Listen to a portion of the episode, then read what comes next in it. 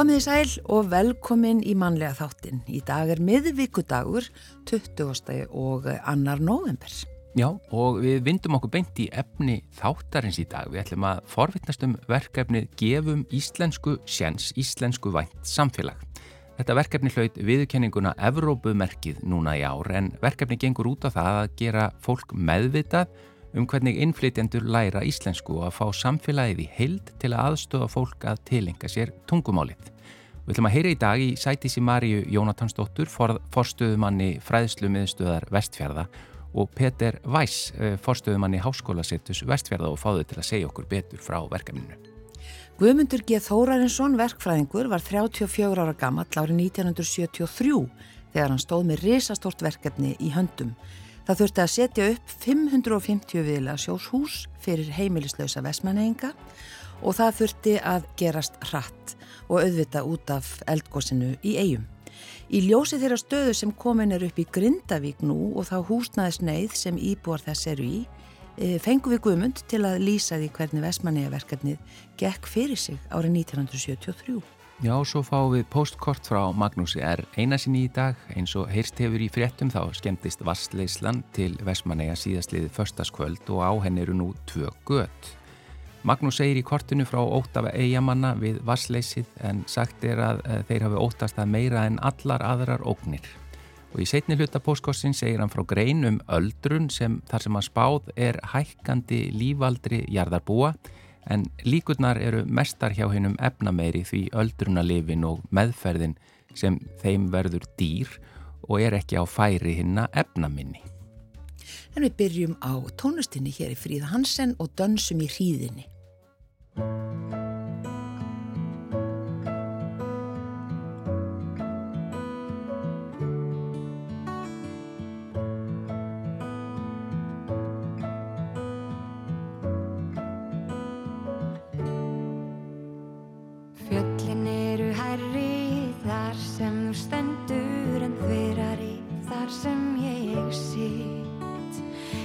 Hjarta slæri hraðar ef við höldumst í hendur og híminin skiptir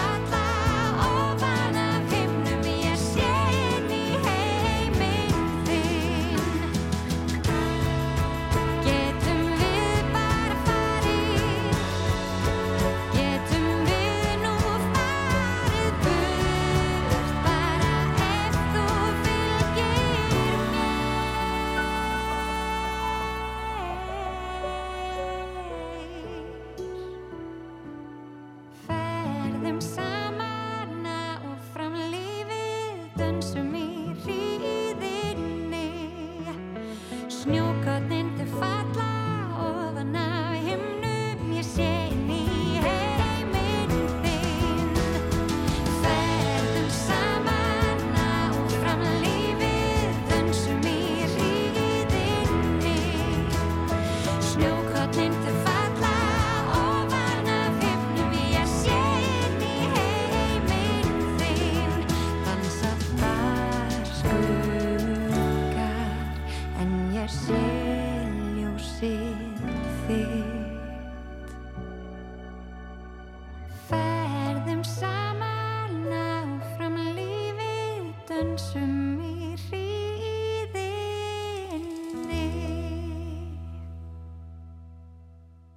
Þetta var lægið Dönsum í hríðinni með Fríðu Hansen og það var hún sem að samti lægið.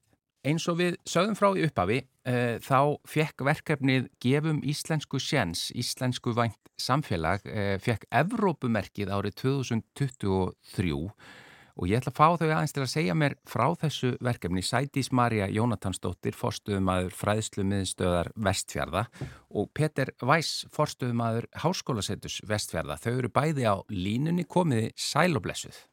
Góðan daginn. Já, konti sæl.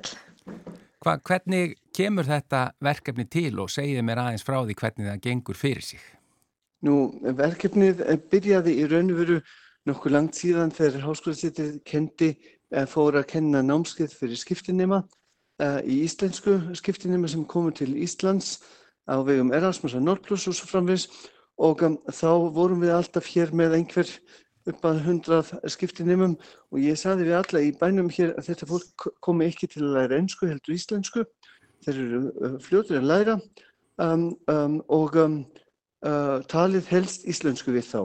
Og þetta var sagt í bakari og í öllum búðum og allstaðar og um, það, þar þá þegar, og þetta var 2008, 9, 10 og svo framvegs, uh, var ákveðin vitundarsvakning um, um þetta. Og, og hverjir sko Þú ert frá uh, háskólasetrinu Peter uh, og Sætist, mm -hmm. þú, ert, þú ert frá hérna, fræðslumiðstu Vestfjörða. Hvernig er þessi samvinn og þetta er líka á vegu með það ekki Ísafjörðabæjar og Súðavíkurreps? Jú, mikið rétt. Við, hérna, við deilum sama íslensku kennarunum, háskólasetur og fræðslumiðstu sem er hann Ólafur Guðstein.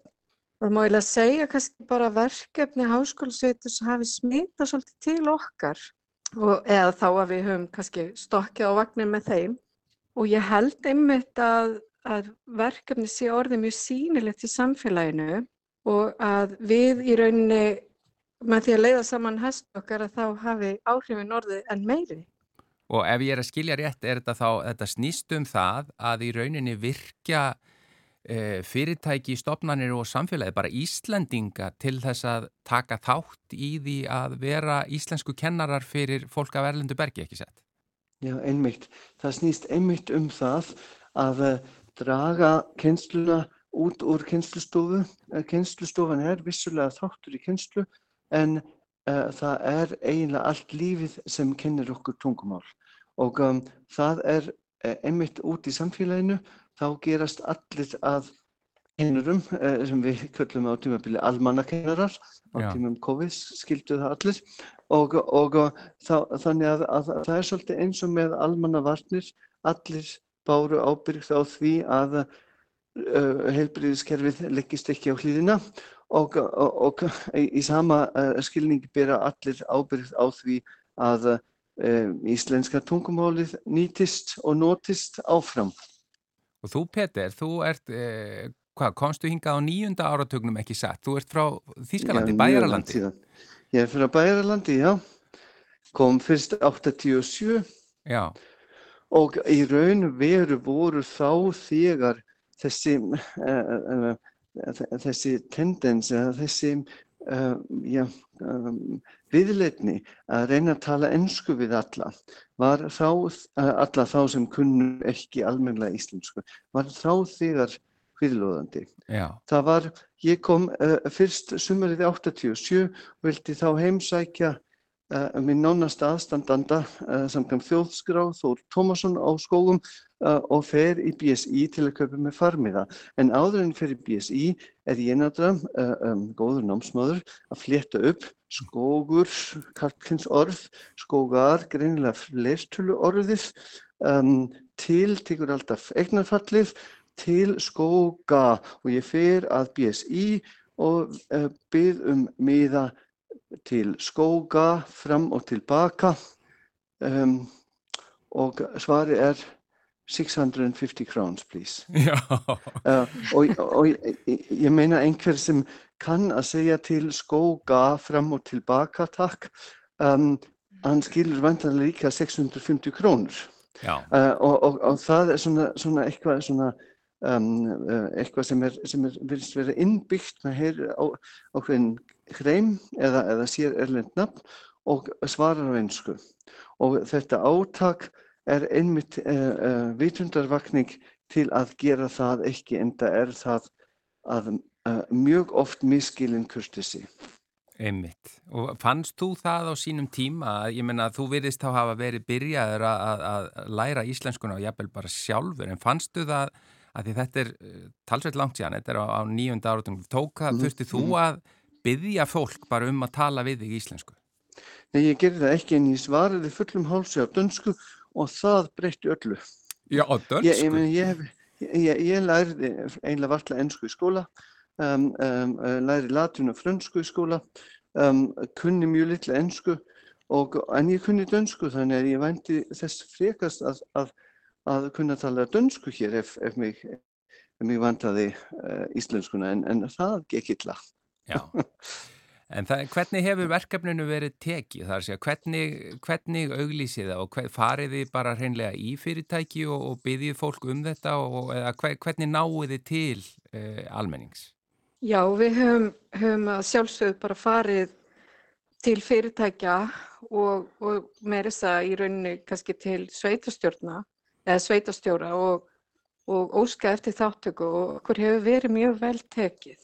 Og við höfum náttúrulega kynnt verkefnið þetta meðal íslensku nema að leggja áherslu á að þau nýti hvert tækifæri til þess að nota málið en jafnframt höfum við farið veist, inn á leikskólinu og sagt herðu, talið íslensku við fólki sem að er að læra íslensku hjá okkur Já. til þess að, veist, að að þannig ítum við undir námið og gefum tækifæri, fólki tækifæri til þess að, að læra en betu máli með því að fólk noti málið.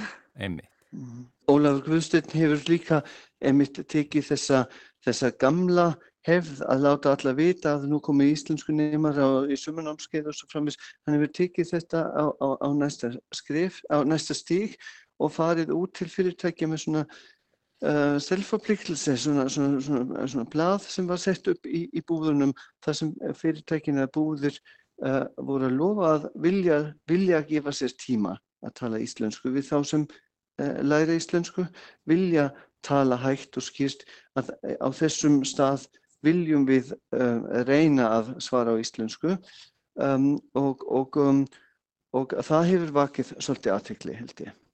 En gefið einhverjar frekari leiðbenningar þar að segja þegar nú er fólk, eh, almenningur er ekki íslensku kennarar en, en er þið bara að þau um að mhm. tala íslensku eða er þið að þau jafnvel um að leiðrétta eða eitthvað slíkt? Já, hér, þetta er nefnilega uh, kjarnin í þessu. Uh, þú segir að fólk er ekki íslensku kennarar en í raun og veru geta allir þeir sem tala og skilja íslensku, uh, talað og skiljið íslensku og, og því leiti eru, eru, eru við öll íslensku kennarar. Um, en, en það er alveg rétt að þeir eru ekki mentaðir íslensku kennarar og um, það, það að um, tala og hugsa í einu tungumáli er miklu auðveldara en það að tala og hugsa í tveim tungumálum. Og þegar maður vill reyna að tala íslensku við fólk sem er ekki alveg uh, um, uh, 100% í íslensku þá þarf stöðugt að fylgjast með, horfa í handlítið, passa upp á það hvort fólk fylgist með eða hvort það er kannski dottið út af.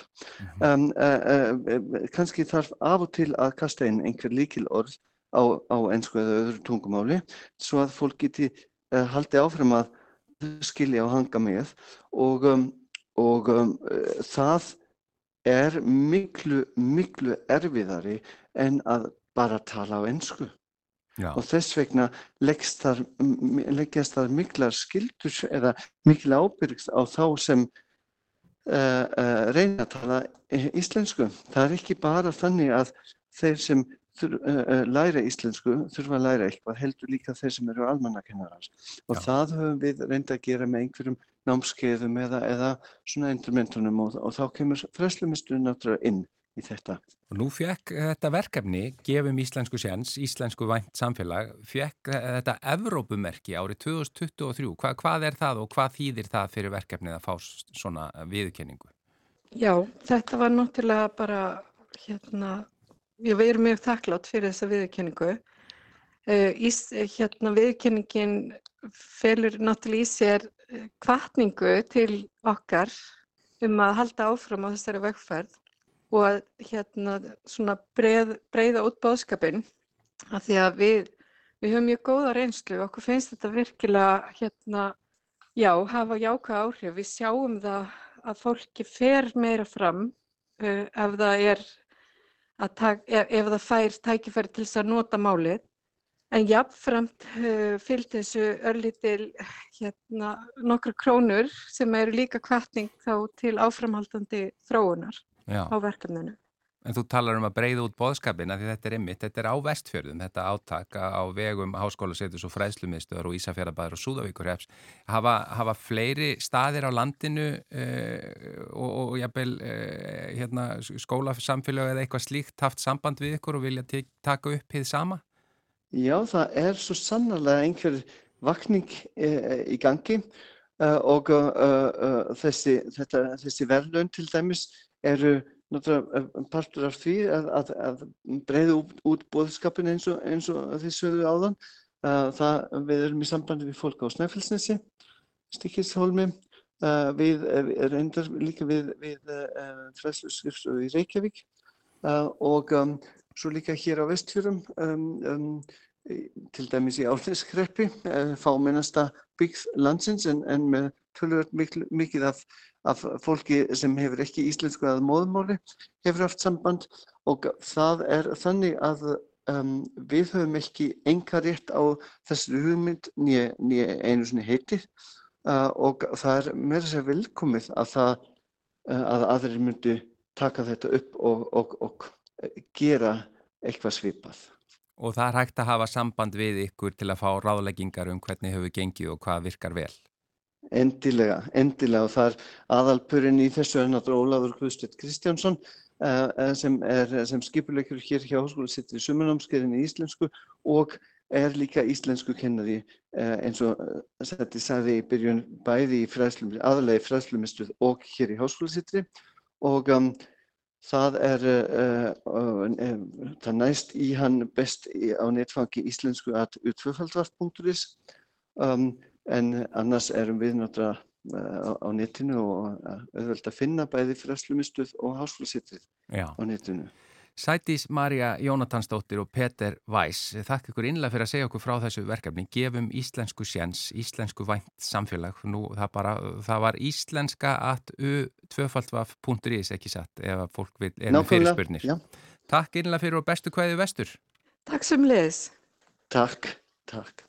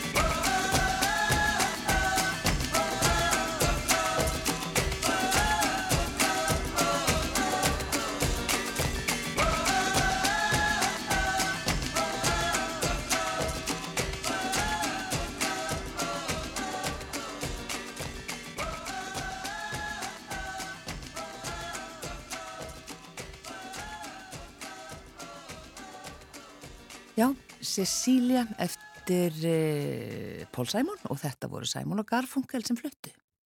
Guðmundur G. Þórarinsson, verkfræðingur, var 34 ára gammal árið 1973 þegar hann stóð með risastórt verkefni í höndum sem hann segir í dag að hafi verið eitt stærsta verkefni sem hann hafi staðið frammefyrir.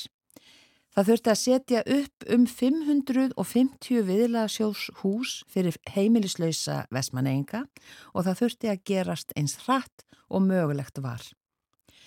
Og í ljósi þeirra stöðu sem komið núna upp í Grindavík og þá húsnæðisneið sem íbúar þess eru í e, ákvaði að fá guðmund til að lýsa því hvernig vesmanega verkefni gekk fyrir sig árið 1973 og svona hvernig það e, svona komst í þínar hendur. Guðmundur G. Þórainsson, velkomin til okkar. Já, þakka þið fyrir. Já, það var þannig náttúrulega að Vestmanniða gósið kom mjög óvænt og það var stopnaður viðlaga sjóður þar sem voru öflugi stjórnendur og þeir voru náttúrulega með mjög marga þætti gósins sko í gangi en það var settur á fótu fjöramanna hópur og ég var einn af þeim til þess að fást við uppbyggingu húsana og, og eh, síðan að, að hérna útvega vestmanniðingum húsnæði. Þeir sem voru komnir 5200 manns upp á land. Já.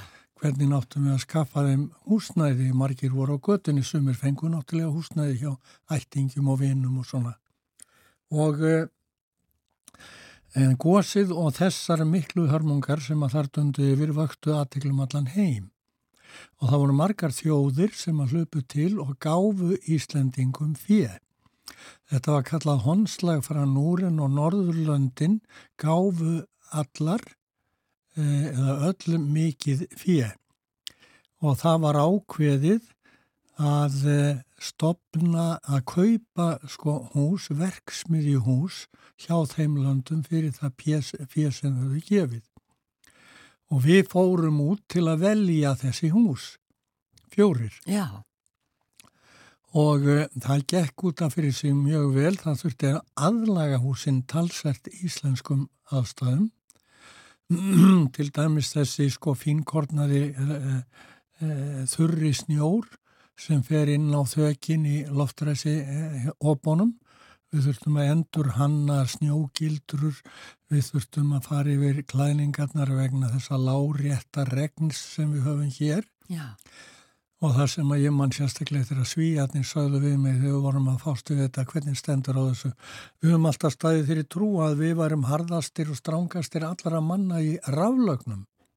Nú heyrist mér á þér sögður um mig að það dögi ekkert að því hjá ykkur. Já. Það þurfti náttúrulega aðalega öllum íslenskum aðstæðum. Nú en þessi hús voru keift og ég er nú pínlítið montin á því, ég verði að segja það, að þau var reynst mjög vel. Já, þau hafa reynst vel. Já, Þessar lagfæringar sem þú talar um eða þessar breytingar, voru þar gerðar ytra eða eftir að þau nei, komu? þær voru, þær voru gerðar hérna sko að mestu leiti og þetta rættum við sumt að þessu við á úti.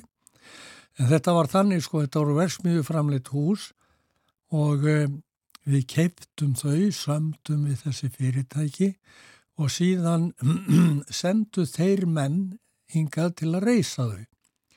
En það sem við þurftum náttúrulega að gera og þetta eru sko, þetta eru 550 hús sem voru keift og þau eru, já, sum voru reyndar gefin og þau voru sko byggð á 20 stöðum á landinu og það tókst að gera þetta á einu og halvu ári sem að var nú eiginlega alveg kraftaverk því það þurfti að fá verktaka til að grafa grunna, steipa grunnana, koma því öllu upp. Sveitarfjölögin stóðu sig alveg gríðarlega vel. Þau þurftu sem að flest hús tóku að fara yfir skipulasmál hjá sér, byggja nýja vegi að þessum húsum Já. Og uh, leggja lagnir, skólplagnir, raflagnir, hitalagnir, vasslagnir og allt þetta og allt var það að gerast í kvelli.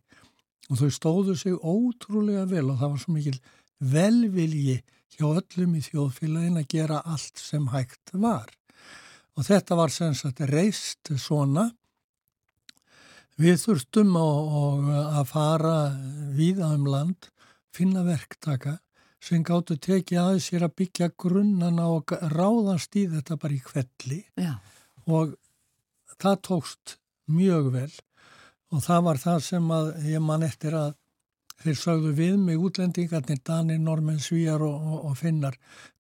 Þetta þekkist hverginum á Íslandi. Er þetta ráðast í svona að hafa neitt undibúning eða neitt sko ellendi svíða þá þurfa að menna að fara í skipulag og alls konar samþyktir í nefndum og öðru slíku.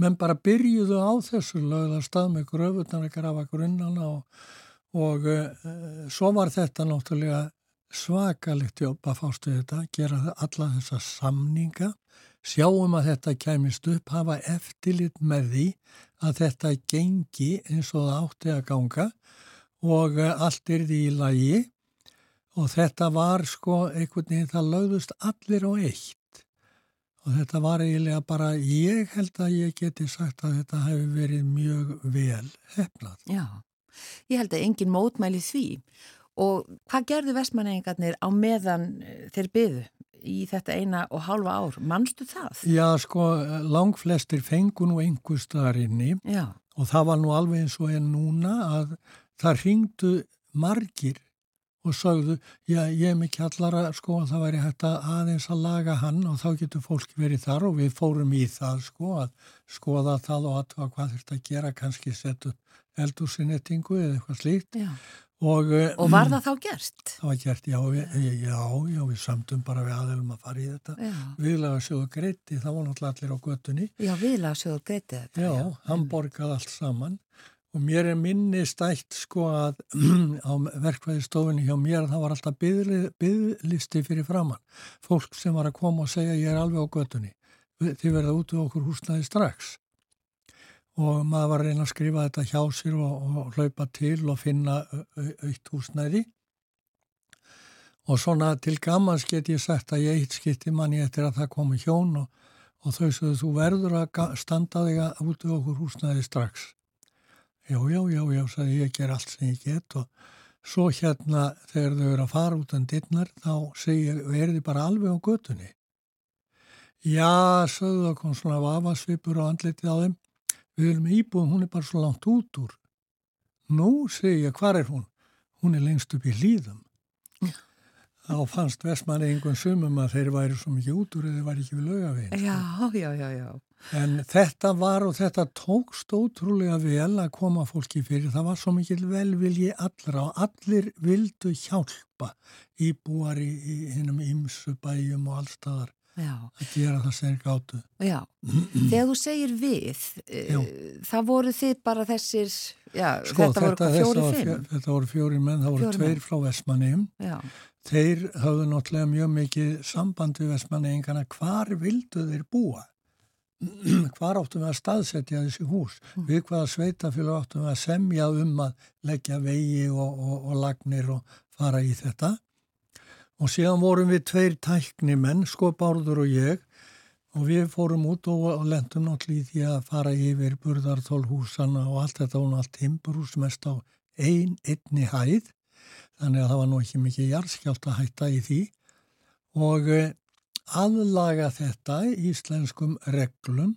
Það þurfti náttúrulega að leggja allar teikningar fyrir byggingarnemdir hér og það var mann til ég var að skrifa upp á allar teikningar af húsum sem voru byggðar.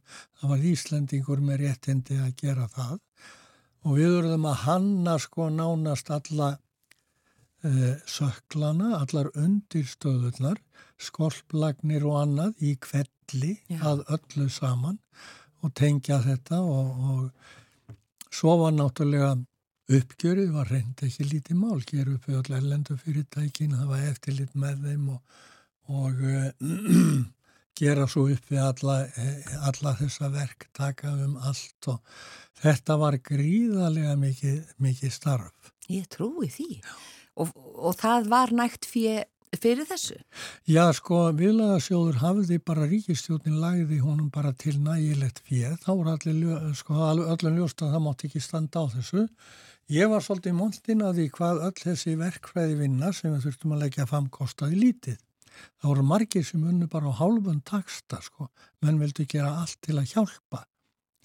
Og uh, ég man sérstaklega eftir því að einn á okkar kunnustu og færustu verkvæðingun sem ræk eiginstofu við Lottsson, hann sagði ekkert ég með mig eftir og ég skil ekki hvernig ég gátt að gert þetta fyrir svona lítið ha, að hann að þetta hafa eftir með þessu komaði sá öllum stöðum um allt sko. Já.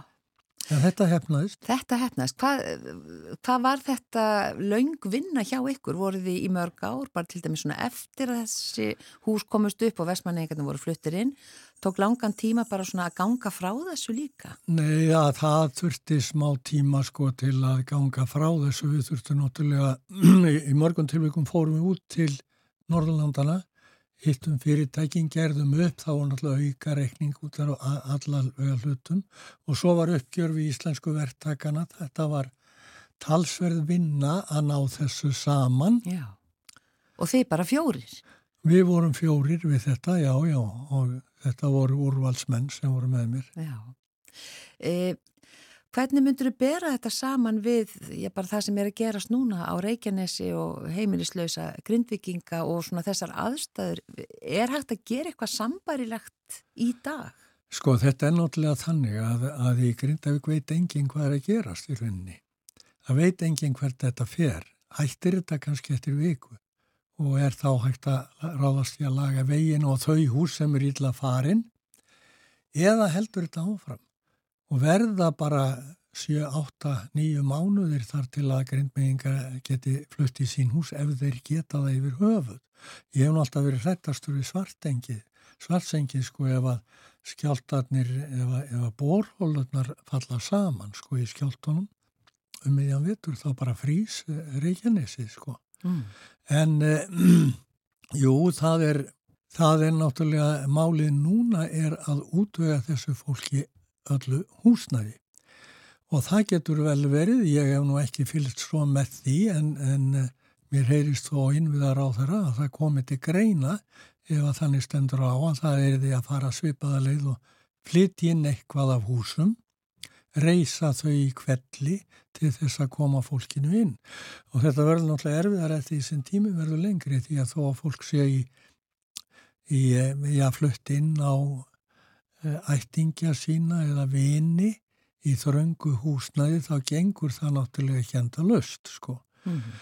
Þannig að ef að þetta verður mjög lánt þá held ég að það væri nú vel aðtugandi að fara svipaða leið og var farin þannig í Vestmanni að góðsinu. Já.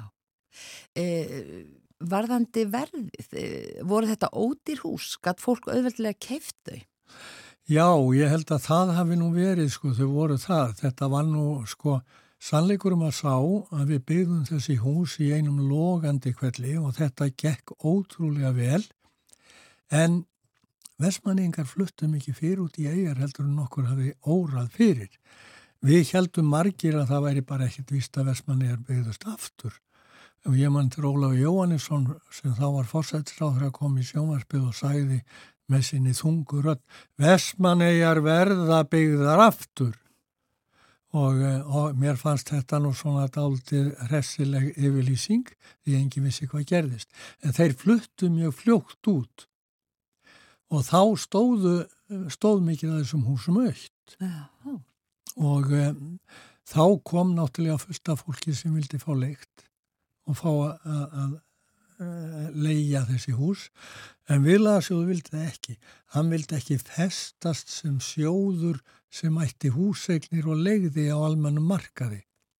Svo það var ákveði bara að selja þau og ég held að það hafi nú allt verið gert bæði á viðráðanlegum kjörum og, og, og viðráðanlegu verði Já. En vestmanninga til þess að flutti inn í húsin til að byrja með þurftu þeir að kaupa þau eða? Nei. Það var bara... Já, þeir fengu bara að fara inn og ég man nú ekki hvernig ég vil að sjóðu sá nú en það sko hvort það er borguð einhverja leigu en uh, þeir fluttu bara inn og uh, ég var mjög ánaður með hvað þetta tókst vel. Og þessi hús standa bara flest öll, ef ekki öll, í dag? Ég veit ekki betur að það standi öll og þeir sem fáu sem að ég hef hitt sem búið þeim eru yfirleitt mjög ánæðir með. Já, einmitt. Takk fyrir komuna í manlega þáttin Guðmundur G. Þóraðinsson verkfræðingur og eins og við sögum í upphafi.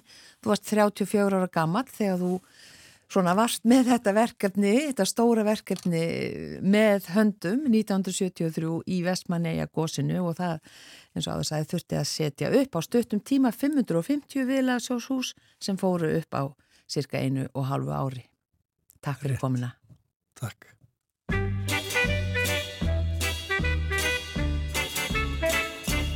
Það sem fyrrum hiftu björnum öldu földum ægistætur fram við sjónara. Rauða glóðir leiftra áttmót heiminn tjöldum hafið faðmar landsins yngstur ströð Það var undur okkar bestu æfistundar út við sundar mætast fyrsta sín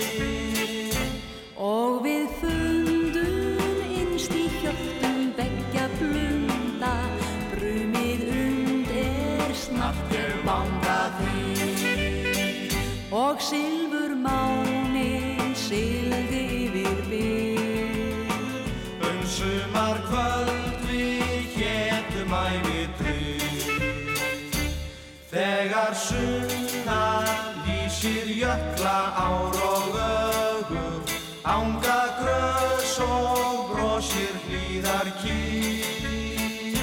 Þá er jörðin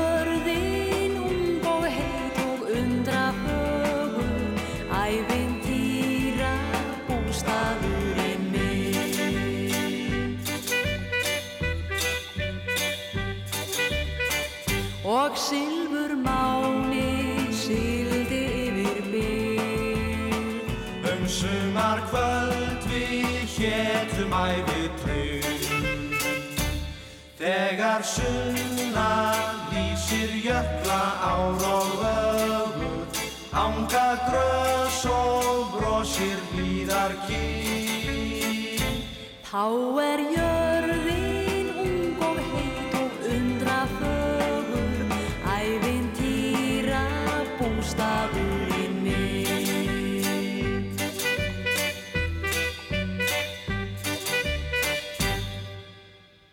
Þar sem fyrrum, þetta var sextett Ólaf Skauks, lægið eftir Otger Kristjánsson og tekstan gerði ási í bæ.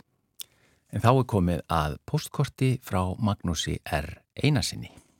Heil og sæl. Það er ekki langt síðan ég fjallaði um vassbúskapin hér í eigum í einhverju postkortinu. Og mér minnir að ég hafi orðað það þannig að ef vassleislan myndi bregðast þá er það að flytja allan mannskapin upp á land. Það var nú sennilega aðeins ofmælt hjá mér en samt því ástandi graf alvarlegt eins og nú er að koma í ljós. Vassleislan til eiga er lífæð samfélagsins hér og nú er komið á hana gata eftir óhappið með ángerið á förstu daginn var. Og nú er verið að dæla vatn í tvo stóra tanka í landi og það vatn verður notað í þeirri neyð sem er myndast ef leyslan skildur rofna og svo einst þegar viðgerð hefst en þá þarf sennilega að skrúfa fyrir vatni tímabundið á meðan. En þær byrðir mun ekki endast nema í nokkra daga í besta falli. Vassveitan kom til eiga fyrir 55 árum, 1968. Áður þurftu eigamenn að notast við rigningarvatn sem þeir söfnuði í þrær og brunna undir húsum sínum og einni var notast við sjó í fiskiðinaðinum og hann var ennfremur notað til þvotta til að mynda á sjúkrahúsinu. Það er sagt að þrátt fyrir Tyrkjarán, óblítt veðurfar og kúin í gegnum aldirnar þá hafi vestmanni engar óttast hvað mest að verða vastlustir. Hér eru engar vatslindir sem talandir um. Þess vegna var það safna rigningarvatninu en það vatn gæt verið afar laglegt að gæðum. Oft var saltbrað af því og það þótti helsusspillandi. Brunnvatnið hafði slæm áhrif á tennur og líkama fólks enda inni heldur rigningarvatnið engin nöðsileg steinefni. Það er sagt að það hefði verið bara nokkuð algengt að börn fengut falskar tennur í fermingargjöf hér fyrr á árum. En eftir að fólki fór að fjölga hrætt í eigum í byrjun 20. valdar að sama skapi jógst þörfin fyrir meira og betra vatn. Það var byrjað að bóra eftir vatni 1931 og oft sinnis eftir það í rúm 30 ár en alltaf án árangurs. Það eina sem kom upp var sjór. Vestmanneingar sem muna tíman fyrir vassveituna hafa sagt mér að hér hafa alltaf þurft að fara mjög sparlega með vatn. Þótt oft sé vætu samt hér í eigum þá getur líka komið þurkadýr sem var alltaf áhyggjuefni því menn óttuðust vasslýsir og þess vegna var fylst að náið með veðufregnum og gerða rástafanir með vass húsgapin. En hreinlæti sata á hakanum. Fjölskyldur voru barnmarkar og börnin voru böðuð einu sinn í viku á lögardöfum og þá eftir aldri. Það yngsta fyrst og sem er svo sem ekkert sérstakti sjálfu sér nema vegna þess að það var alltaf baðað upp úr sama vatninu og foreldrarnir böðuðust síðastir. Sagan segir að þegar öll famílan hafði verið böðuð þá tók húsmaðurinn oft og íðurlega óhreinað þvottinn og lagði hann í bleiti í baðvanninu. Nú, vonandi kemur ekki til þess hvorki núni framvegis að það þurfi að skamta vatn svo naumt að það þurfi að nýta vatni svo gerðsamlega eins og týðgæðist fyrir komu vassveitunar. Vassveitan, henni hefur verið líst sem mestu og bestu framförum í eigum frá upphafi byggðar þar fyrir meirinn þúsund ár. En nú er gat á einu leyslinni til eiga og enn ekki ljóst hvenar viðgerð getur hafist. Það verður gerð vonandi, einhvers konar bráðabyrða viðgerð á næstu dögum, en það sem er líka endanlega og harkalega ljóst er að það verður ekki nóg að gera við vasslögnuna. Það verður að leggja aðra.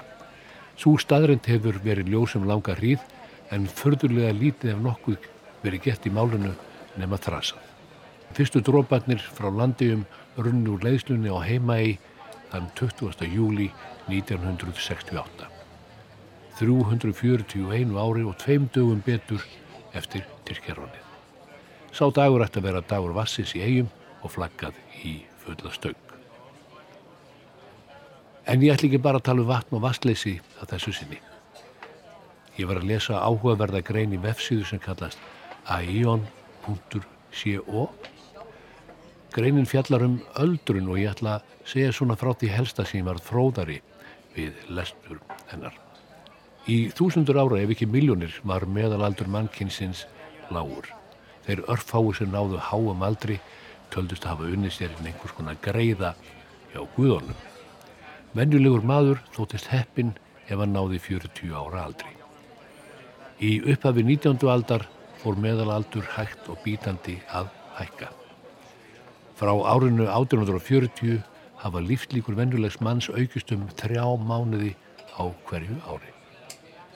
Árið 1840 var meðalaldur hvenna 45 ár í Svíþjóð en svo þjóð hefur mikið verið rannsökuð vegna hins nákvæma mantals sem svíjar hafa stundað í aldarraðir.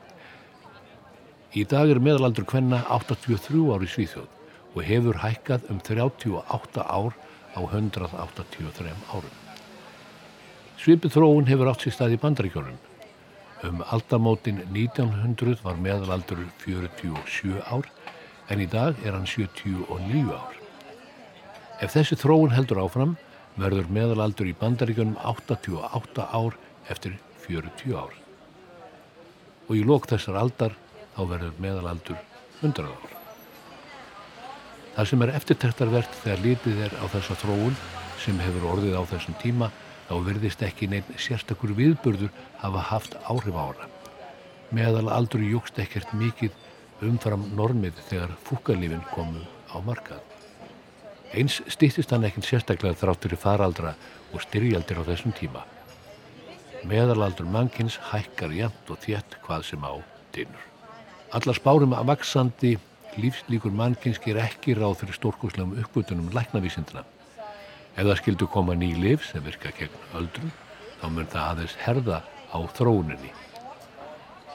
Þeir sem eru að rannsaka vaksandi lífslíkur og hækkandi meðalaldur segja að eftir aðeins nokkra áratvíi verða hundra ára öldungar ekki lengur fréttnæmir því sá verðulegi aldur verður ekkert óvennulegur.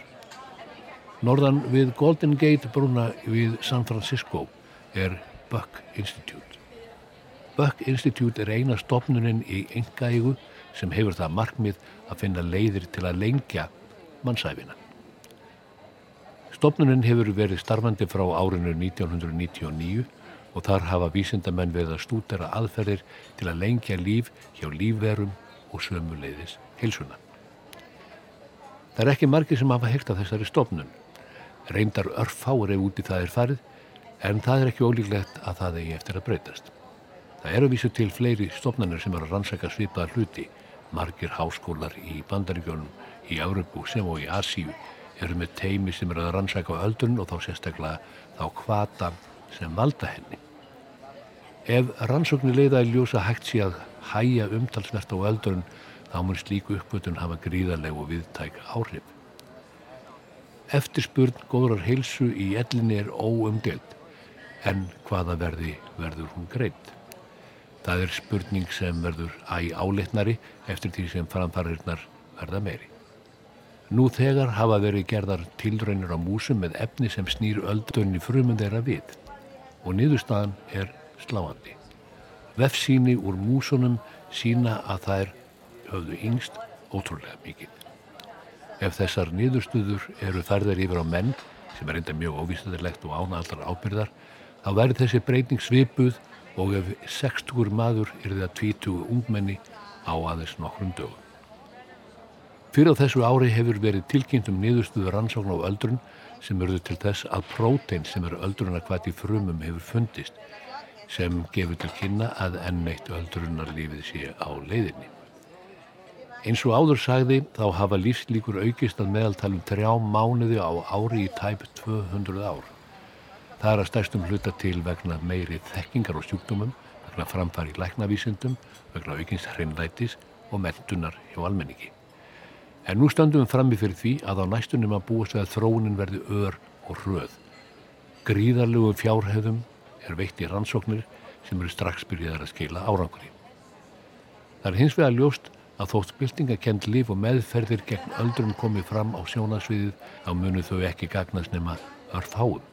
Hennum fáu sem munu hafa efni á rándýrum, livjum og meðferðum. Þótt meðalaldur í bandarækjunum sé 79 ár þá er hann mjög mismunandi eftir tekjuhópum.